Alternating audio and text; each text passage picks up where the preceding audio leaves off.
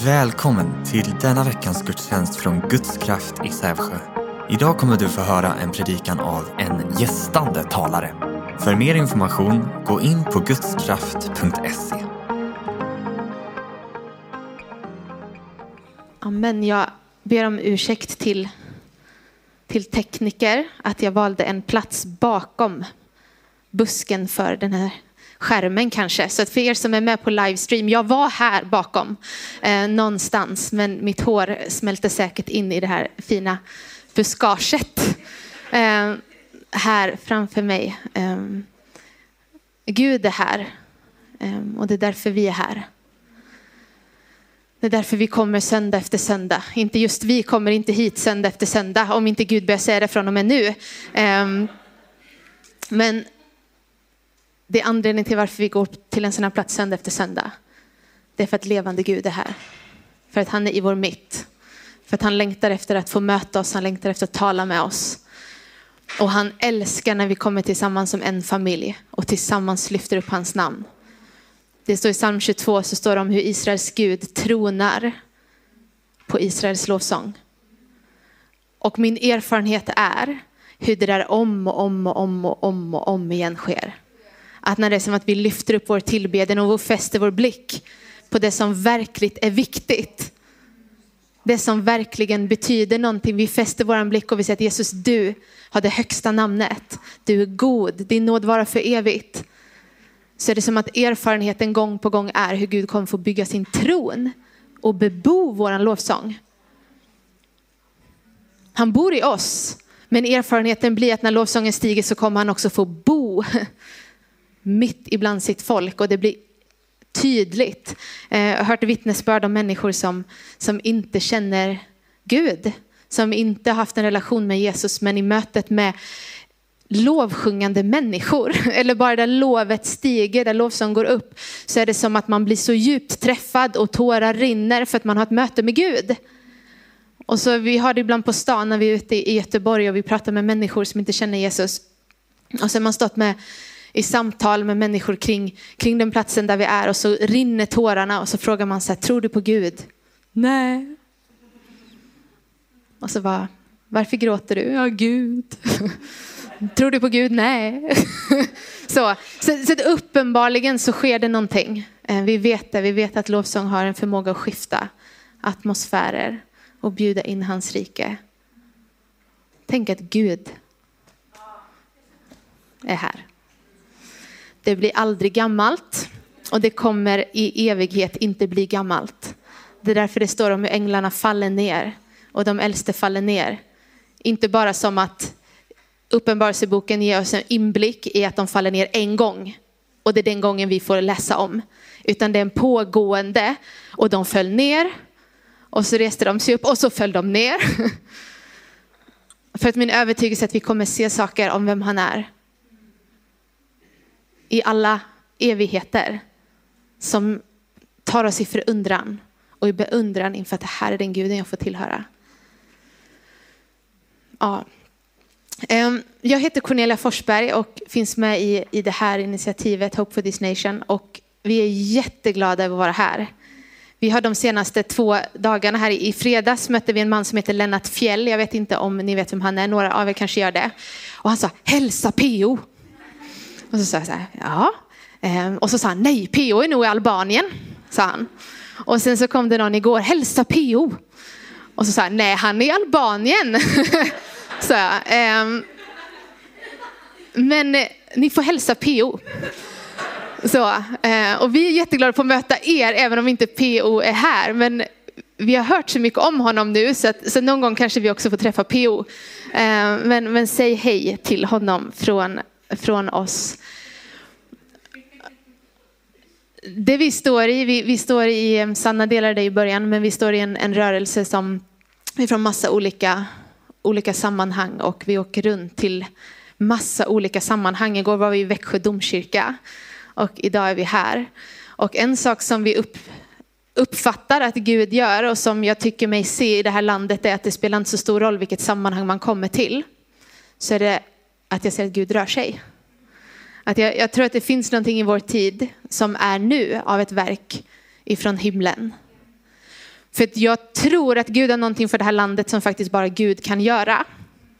Alltså vi, vi, kan sträva, vi kan göra all form av eget försök till att Gud skulle röra vid det här landet, allt eget försök till att våra församlingar skulle växa. Men i slutändan så kommer det bara vara Gud. Paulus skriver att jag sår, Apollos vattnade, men Gud gav skörden. Gud gav sådden. Att det som kommer upp, det som får verkligt bära frukt, det som blir någonstans följden av allt det som vi gör kommer alltid vara Gud som förser med. Och jag blir så tagen när man reser runt på det här sättet och man ser människor uttrycka sig lite olika. Kanske i sin tillbedjan, sträcka händerna lite olika, antingen mycket eller åt sidan eller upp. Sammanhang där alla dansar, sammanhang där inte lika många fötter rör sig. Men vet ni att Gud rör sig? Och Gud rör vi människor. Vi har haft, um, jag och min man här, vi, under flera år så har vi tillsammans med alla vi här, vi började några färre av oss och sen blev vi fler, eh, mötas i vårt vardagsrum och har gjort det under, inte under den här pandemin och vi vet inte om vi kommer komma tillbaka dit igen. Eh, men vi har mötts under många, många år i vårt vardagsrum för att bara söka Gud tillsammans. Och vi började med att vara några stycken, typ jag, Sanna och Alex. Hanna kom ganska tidigt där. Eh, och sen några till som bara längtade efter Sanna Johansson här. Ja, strunt samma.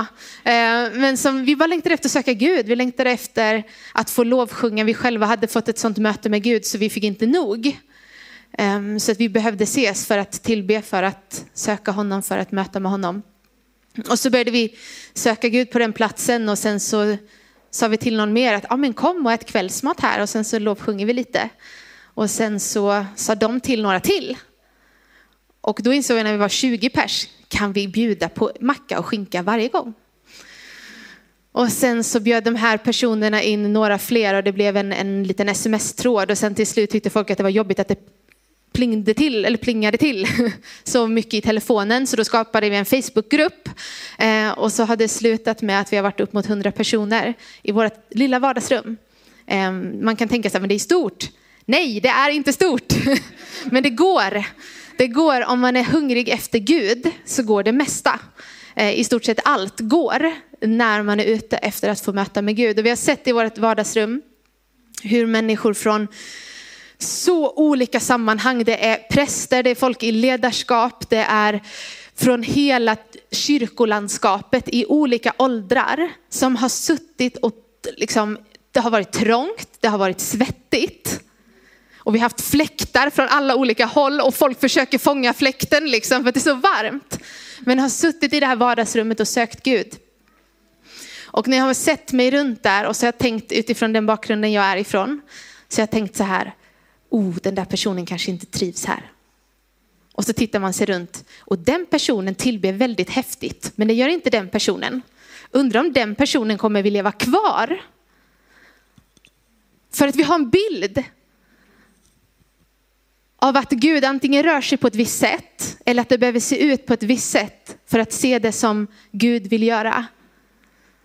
Och så får man sen ett sms efteråt från en person som kanske var den personen som satt så här under hela kvällen. Som sa tack för den här kvällen. Gud gjorde det här i mitt liv. Och han gjorde det här och det här och det här. Och efter de kvällarna i vårt vardagsrum så är det som att fördom har fallit ner. Fördomar liksom som jag har haft har behövt falla. För att man insett, okej okay, Gud gör vad han vill. Och han möter människor som han vill. Men en sak som jag ser det är att han väcker upp en hunger i det här landet. På plats efter plats. Och det är en sån här hunger som man vet är Gud som väcker för den är ingen som blir mättad i om man inte får smaka på mer. Det är inte bara en hunger efter ett lovsångsmöte någon gång, utan den hunger efter Gud. Den hunger efter att få se Gud röra sig i det här landet, den hunger efter att få se Gud röra sig i mitt liv. Inte bara i vår församling utan det personliga och det där blir jag berörd av. Hur det kan vara människor som um, har gått med Jesus hela sina liv och som kanske är 50, 60, 70 års åldern. Och som plötsligt Gud gör någonting nytt i. En ny hunger väcks i hjärtan av att jag vill bli använd på ett sätt som det står om i apostlagärningarna. Jag vill att mitt liv ska få vara en kanal, få vara ett kärl för Guds härlighet och Guds närvaro. Där man liksom inte nöjer sig med det man redan har fått smaka. Det man redan har fått se. Och jag tror att det där är en rörelse vi ser. Och jag tror att det är en rörelse som förbereder för ett utgjutande från himlen. För Gud förbereder kärl för att ha kärl och fylla. Så, och de kärlen som inte är förberedda kommer bli snabbt utvidgade för att han kommer fylla. Det är min övertygelse. Så jag tror att vi lever i en tid av väckelse.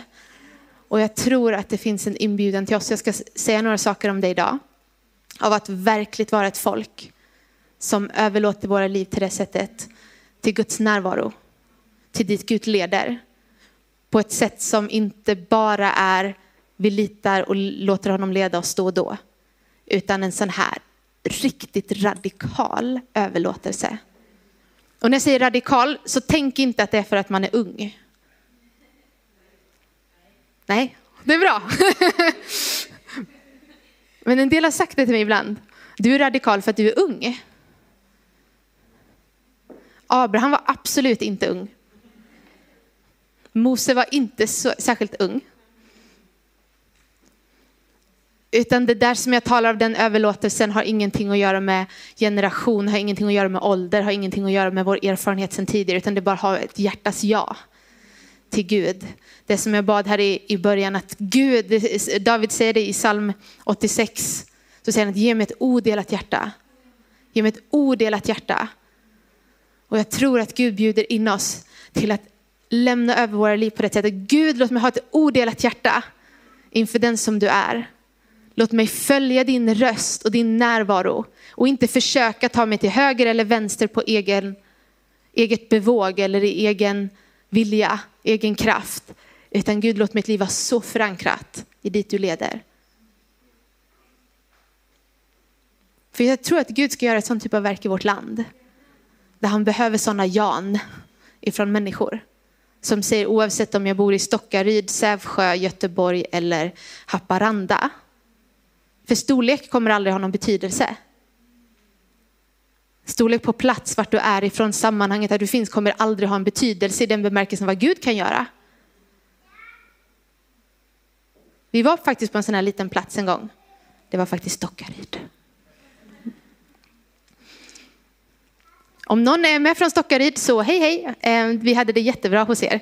Eh, men vi, vi kom till en liten församling eh, mitt i skogen här i Småland. Är det nära kanske till och med? Japp, det är jättenära här.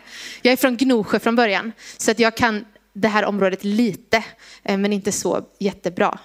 Ehm, men vi kom till den här platsen och det var en väldigt liten plats som ni kanske vet. Och en liten församling och vi var där och det var tidigt på morgonen. Vi hade varit någon annanstans dagen innan tror jag det var och var ganska trötta och hade funderat på innan vi skulle åka dit att Gud hinner vi det här? Ska vi verkligen åka till Smålands skogar just den här morgonen? Och den helige ande hade sagt ja, det ska ni. Och så kom vi dit och så gick vi in innanför de där dörrarna. Och Guds närvaro vilar på den platsen. Och jag kände tack Jesus för att jag inte är på någon annan plats än i Stockaryd den här morgonen. För att det Gud kan göra på en liten plats kan vara långt mycket mer än vad vi kan drömma, ana eller tänka. Men det han behöver det är överlåtelse. Han behöver liv som lägger sig platta på marken och säger kom, kom och led mig vart du vill. Kom och rör vid mig som du vill. Ett liv som inte säger Gud, du får göra det här till en viss gräns, utan säger Gud, här får du mitt liv. Ta det vart du vill. Men inte dit, dit, dit, dit. Nej, det sista tar vi bort. Utan Gud, ta mitt liv vart du vill. Punkt. Gör med mig vad du vill. Punkt. Och det vi inser i en sån resa med Gud är att han är god. Vi behöver inte vara rädda för hans ledning. Jag har mött så många som har varit rädda för det överlåtna livet för att man tror att Gud ska ta en till platser. Som är en största mardröm. Och bara nej, om jag ger allt, då kommer allt det här hända. Vet du, om Gud tar dig till den platsen som är din värsta mardröm, så är det för att han har förvandlat ditt hjärta så att du vill åka dit. Inte för att straffa dig, jaha nu gav jag, var du tillräckligt överlåten. Så nu sätter jag dit dig. Utan han älskar att leda oss till platser där han vet att här får du blomma ut fullt ut i det som jag har lagt över ditt liv. Vi ska läsa några passager idag eh, från första Mos, andra Mosebok. Eh, och vi kan börja från kapitel eh, 40 och sen så kommer jag läsa en, en till liten passage från fjärde Mosebok och sen eventuellt en till liten passage från Josua.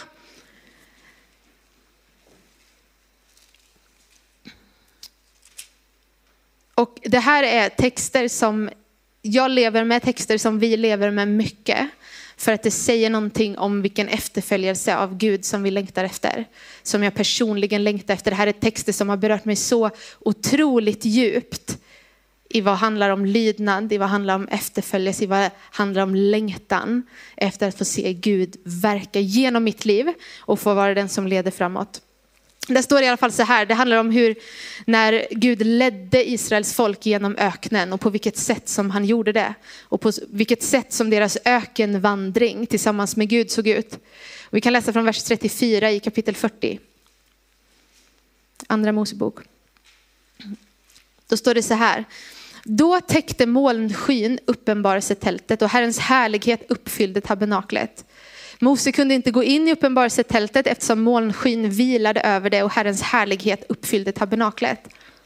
Så ofta molnskyn höjde sig från tabernaklet bröt Israels barn upp. Så gjorde de under hela sin vandring. Men så länge molnskyn inte höjde sig bröt de inte upp förrän den dag då den höjde sig igen. Herrens molnsky vilade över tabernaklet om dagen och eld var i den om natten. Så var det inför ögonen på hela Israels folk under hela deras vandring. Och så kan vi gå till fjärde Mosebok, ehm, tror det är kapitel 9. Jag ska se. Ja, 9 och vers 15.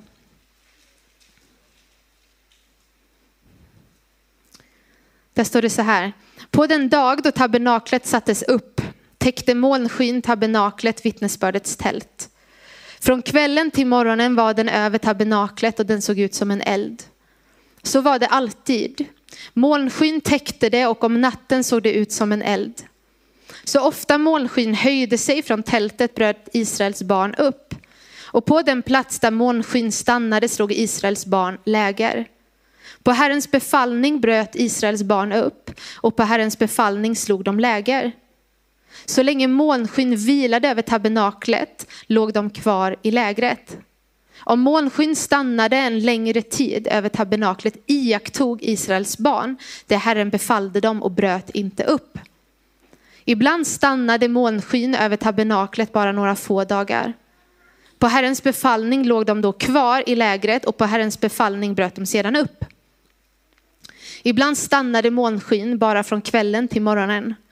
När molnskyn höjde sig på morgonen bröt de upp.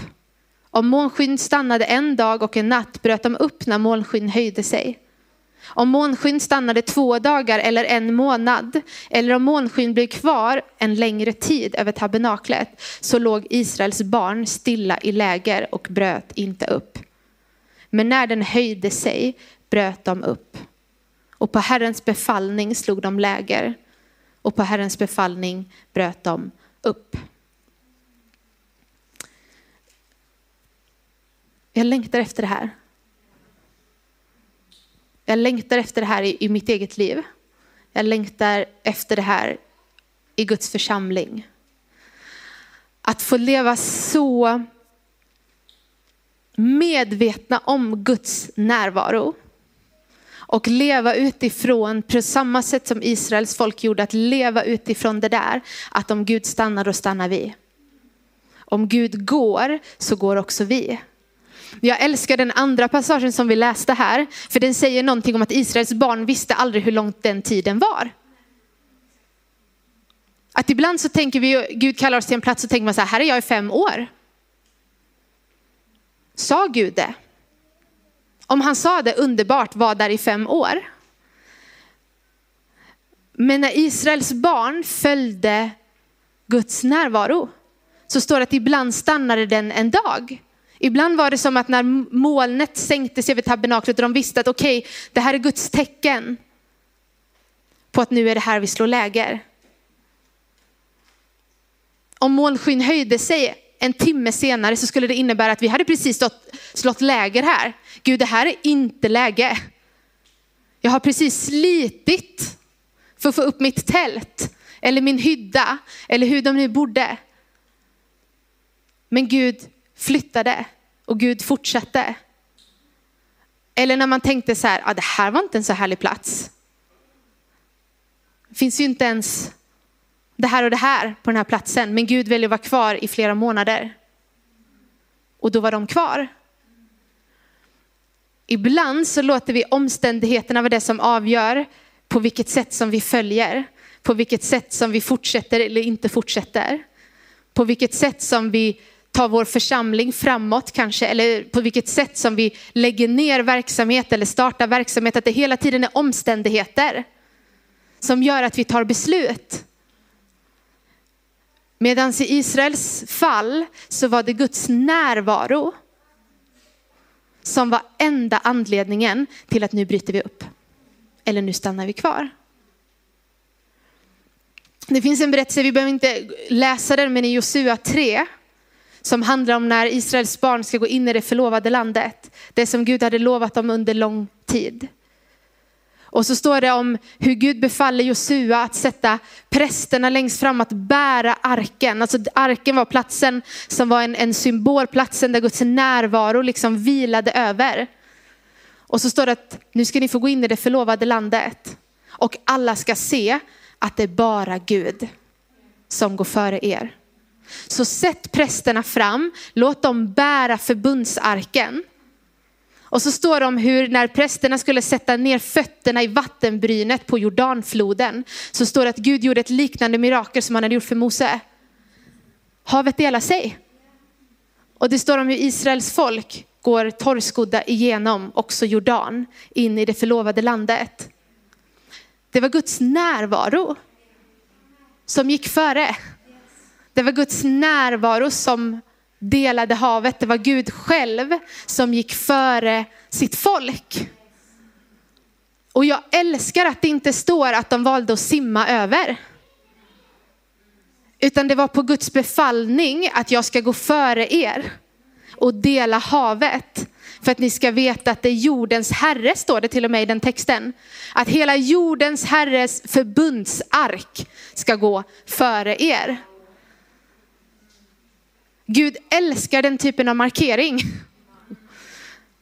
Att det ska synas, det ska märkas att den som gick före er var jag själv. Var min närvaro. När jag personligen hade upplevt att ett, ett kall till att um, kliva ut i det här som vi står i. Vi var flera som hade upplevt ett kall, men för min del så gällde det också att avsluta en, en tjänst. Jag hade jobbat i en församling som fortfarande är min lokala församling i Göteborg. Och en plats som jag älskar eh, och en plats där Gud gjorde fantastiska saker och gör. Men så hade Gud sagt ungefär, säg upp dig. Ehm, jag visste inte riktigt när, men jag hade upplevt hur han hade börjat förbereda mitt hjärta på att jag skulle avsluta en tjänst. Och jag visste inte riktigt på vilket sätt det skulle se ut. Nu om vi förklarar för er vad Hope for this nation är så säger vi så här, ja men vi reser runt och vi möter församlingar och vi gör det här. Då om någon frågade mig så här, du jag hörde att du skulle sluta. Vad ska ni göra? Vet inte. Heter det någonting det här du ska göra? Ja, jag tror det heter Hope for this nation och loggan ser ut så här. Punkt. Och så frågar de så här, har ni några frågor någonstans dit ni ska? Nej. Ska ni försöka höra av er till människor och säga att ni finns? Nej. Okej, okay. lycka till. Så. Och det, det är sant. Och jag vet att jag sa upp mig och vid tillfället som jag hade vi hade, precis i början när jag hade avslutat min tjänst så, så var vi i USA kort på en, en resa som en liten sån, vet inte, mellanperiod. Men när jag kom tillbaka därifrån och insåg att okej, okay, nu har jag tagit ett steg ut, ut i det som jag tror att Gud kallar. Och vad har jag? Bara ett ord. Flera ord hade vi. Men det var bara ord. Det var löften. Och det var Guds närvaro. Det var Guds ande som bekräftade någonting. Och jag vet att jag sa, vet inte om jag sa det högt, skulle inte förvåna mig om jag faktiskt sa det högt när jag satt själv. Eller om jag bara sa det till Gud i mitt hjärta. Det jag bara uttryckte att, så här, Gud, om det här är din grej, jag tänker inte öppna en enda dörr. Inte en enda dörr tänker jag låta det vara vi som har öppnat. För att om det är du, så vet jag att du är den som öppnar dörrar. Och det behöver vara din närvaro som går före. Så jag satt på en stol bokstavligt och tänkte så här, nu behöver ju någon kanske ringa. Eller någon kanske behöver mejla. Och på olika sätt så har Gud öppnat dörrar. På olika sätt så har Gud fört oss ut i någonting som vi inte visste ens vad det var då. Mer än en vision. En vision om att Gud skulle få röra vid det här landet. Och det är inte bara vi som har den utan det är många med oss. Men där vi tror att det vi står i får vara en del av det som Gud faktiskt gör i den här tiden. Han reser upp många olika människor, många olika sammanhang, organisationer, vad den är, som har en samma längtan. Och det är att vi tror att Gud vill röra vid den här nationen. Så det är så häftigt att se när Gud också nätverkar och det är som man bara, va? Har du också hört det? Det är ofta så med Gud. Det är ofta fler som har hört liknande saker. Och det är inte en konkurrens, utan det bekräftar varandra. Stor skillnad på konkurrens och bekräftelse. Så, det är för att Gud kallar ut sitt folk i någonting.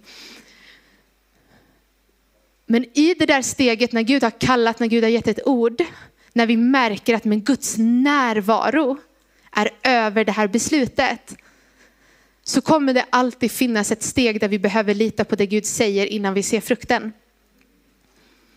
Där vi alltid behöver gå för att vi upplever att Gud går innan kanske en enda människa går. Ibland när vi har hört någonting för vår egen del så tänker vi om det bara är två eller tre till också, då går jag. Och ibland så för Gud två eller tre till oss att gå tillsammans med, men ibland till och med så kommer det vara steg som Gud leder oss ut i, som är det var bara jag. Det var bara du. Det var bara ett ord ifrån Gud. Och du visste kanske till och med att människor skulle säga att det här är dåraktigt. Och nu är det så underbart att det står i Bibeln att det som är dåraktigt för världen är inte dåraktigt i hans blick. För att det ser dåraktigt ut att gå på vatten. För varje människa som har en blick som inte är fäst bara på det som är där ovan så kan det vara så ibland att gå på vatten ser väldigt dåraktigt ut. Och till och med hos människor som faktiskt har sin blick på det som Gud gör, men där Gud har talat bara till dig, så kan det vara så att vi andra inte riktigt hänger med. För att vi själva inte har hört. För att vi själva inte har sett ännu det som Gud har visat. Och jag vill uppmuntra till idag, ehm, till den här typen av efterföljelse. Av att säga Gud, om du går så bryter jag upp. Om du är kvar här, då är jag kvar. Om du är kvar så är jag kvar. Att hela tiden, Gud vad gör du nu? För Guds närvaro går före sitt folk. Så Gud kommer alltid gå före dig. Det står om efterföljelse till Jesus och det innebär att vi följer honom. Det är enkelt i den bemärkelsen att vår tro handlar om att följa honom. Och det innebär att han går före. Även om det till och med skulle kännas ibland som att han går bakom så går det, känns det åtminstone så här att han säger höger, vänster, höger, vänster. För att han är den som leder. Han är fårens herde som för oss ut. Men jag tror att det är så här enkelt att få se det som Gud har förberett för oss. Så kommer vi ibland behöva gå bara på ord. kommer vi ibland bara gå på att vi säger så här, men vi märker att det är Guds närvaro. Guds närvaro bekräftar det här. Och det är det enda jag har. Och det som är så underbart med det, det är att det är allt vi behöver. Att när vi säger så här, Gud, det här är det enda jag har. Jag har bara ett ord ifrån dig. Ibland säger vi så. Jag har bara ett ord ifrån Gud. Alltså jag behöver wake up ibland till den saken. Att jag har bara ett ord ifrån Gud. Om jag har ett ord ifrån Gud så är det det enda jag behöver. När Jesus sa till Petrus på vattnet kom, i det ordet kom, så fanns allt han behövde för att gå på vatten. Det låg liksom i ordet. För att Jesus sa kom, vilket innebar att Jesus skulle aldrig säga kom om det inte gick för honom att gå.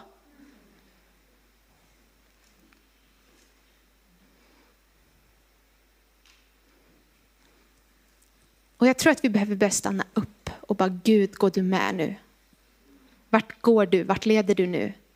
Vad säger du om Sävsjö nu? Det finns sju brev i Uppenbarelseboken som alla avslutas med hör vad anden säger till församlingarna.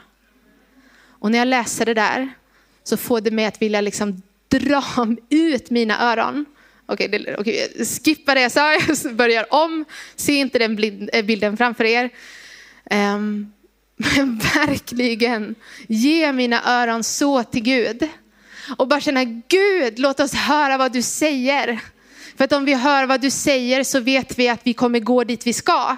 Och går vi dit vi ska så kommer ditt rike att breda ut sig på plats efter plats och det här landet kommer se. Så Gud, bara låt oss höra. Låt oss känna igen din vind, låt oss känna igen din närvaro. Och ibland så tror jag att för att lära oss det där så behöver vi stanna upp och bara säga Gud, Gud, hjälp mig att höra din röst, hjälp mig att se vart du går. Det finns en psalm där det står att om inte Herren bygger huset så är byggarnas arbete förgäves. Vilket innebär att vi kan bygga och bygga och bygga och bygga och bygga om det inte är han som har byggt det. Så spelar det ingen roll hur högt det blir. Det spelar ingen roll hur ståtligt det blir. För att det inte är han som har byggt. Och så kan man bygga en liten koja, men det är Herren som byggde huset. Och ni förstår vad som händer då. Så jag vill bara uppmuntra er på den här platsen att vara frimodiga med varje ord som ni har hört. Personligt som församling. Om Herren har sagt. Och om Herren inte har sagt, stanna kvar tills han säger. Tills han säger bryt upp. Det finns en passage i, i Josua också, några kapitel längre fram, som handlar om när de gick runt Jeriko och skulle se murarna falla och inta staden. Och det var en rejäl eh, program de hade. Det var sex dagar att gå runt och det var återigen Herrens förbundsark som gick runt staden, Guds närvaro. Som var den som framför allt gick före dem för att inta staden. Och så stod det att de gick sex, eller de gick runt staden sex dagar, ett varv om dagen tror jag. Och sen står det att sista dagen så skulle de gå runt, den sjunde dagen alltså, gå runt staden sju gånger. Innan det skulle de bara vara tysta. Och sen plötsligt skulle de ropa ut ett härskri och murarna skulle falla. Och ibland finns det någonting där jag tror att det är lite frestande. Att när man har gått sex dagar och är inne på sjunde dagen och man är inne på sjätte varvet. Så tänker man så här, den här muren har fortfarande inte rasat. Sa inte Gud att den skulle rasa? Och så sparkar man till den lite så här. Försöker själv. Om jag trycker tillräckligt hårt. Ibland så handlar det bara om uthållighet. Att Gud sa, jag går inte för än jag ser att han går före. Om han sa på sjunde dagen, sjunde gången, det är då jag skriker. Då är det då jag skriker. Ett härskri, alltså ett skrik. Ifall folk undrar, när är det vi ska skrika?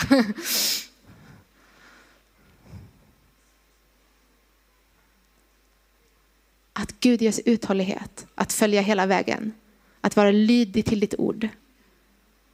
För det jag har sett personligt, nu ska jag avsluta. Men det jag har sett personligt i mitt eget liv, det är att när jag har hållit min del till det ordet som Gud kallade med. Eller det ordet han gav. Så jag har fått se det som han sa att jag skulle få se.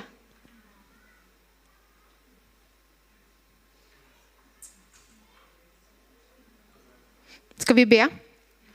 Ska vi göra så att vi ställer oss upp tillsammans?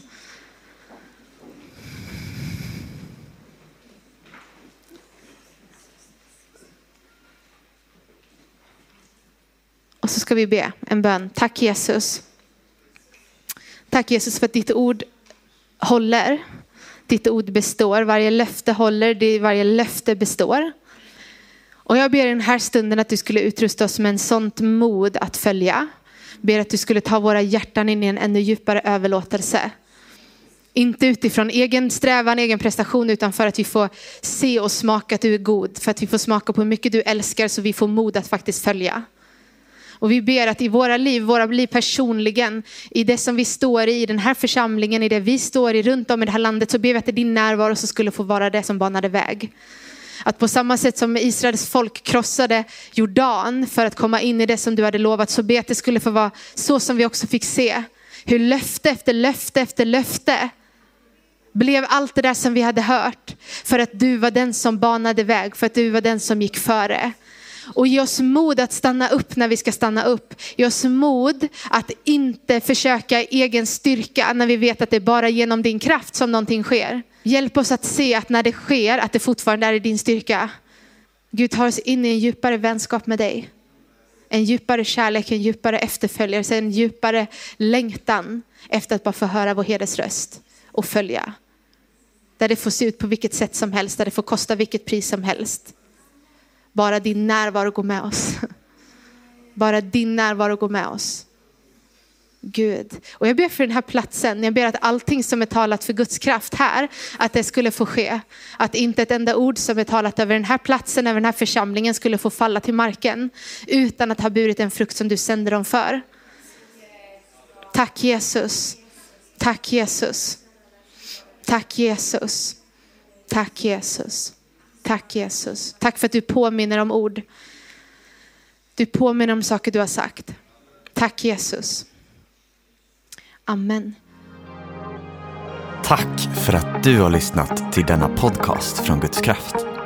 Om du vill komma i kontakt med oss, gå in på gudskraft.se kontakt. Ha nu en välsignad vecka.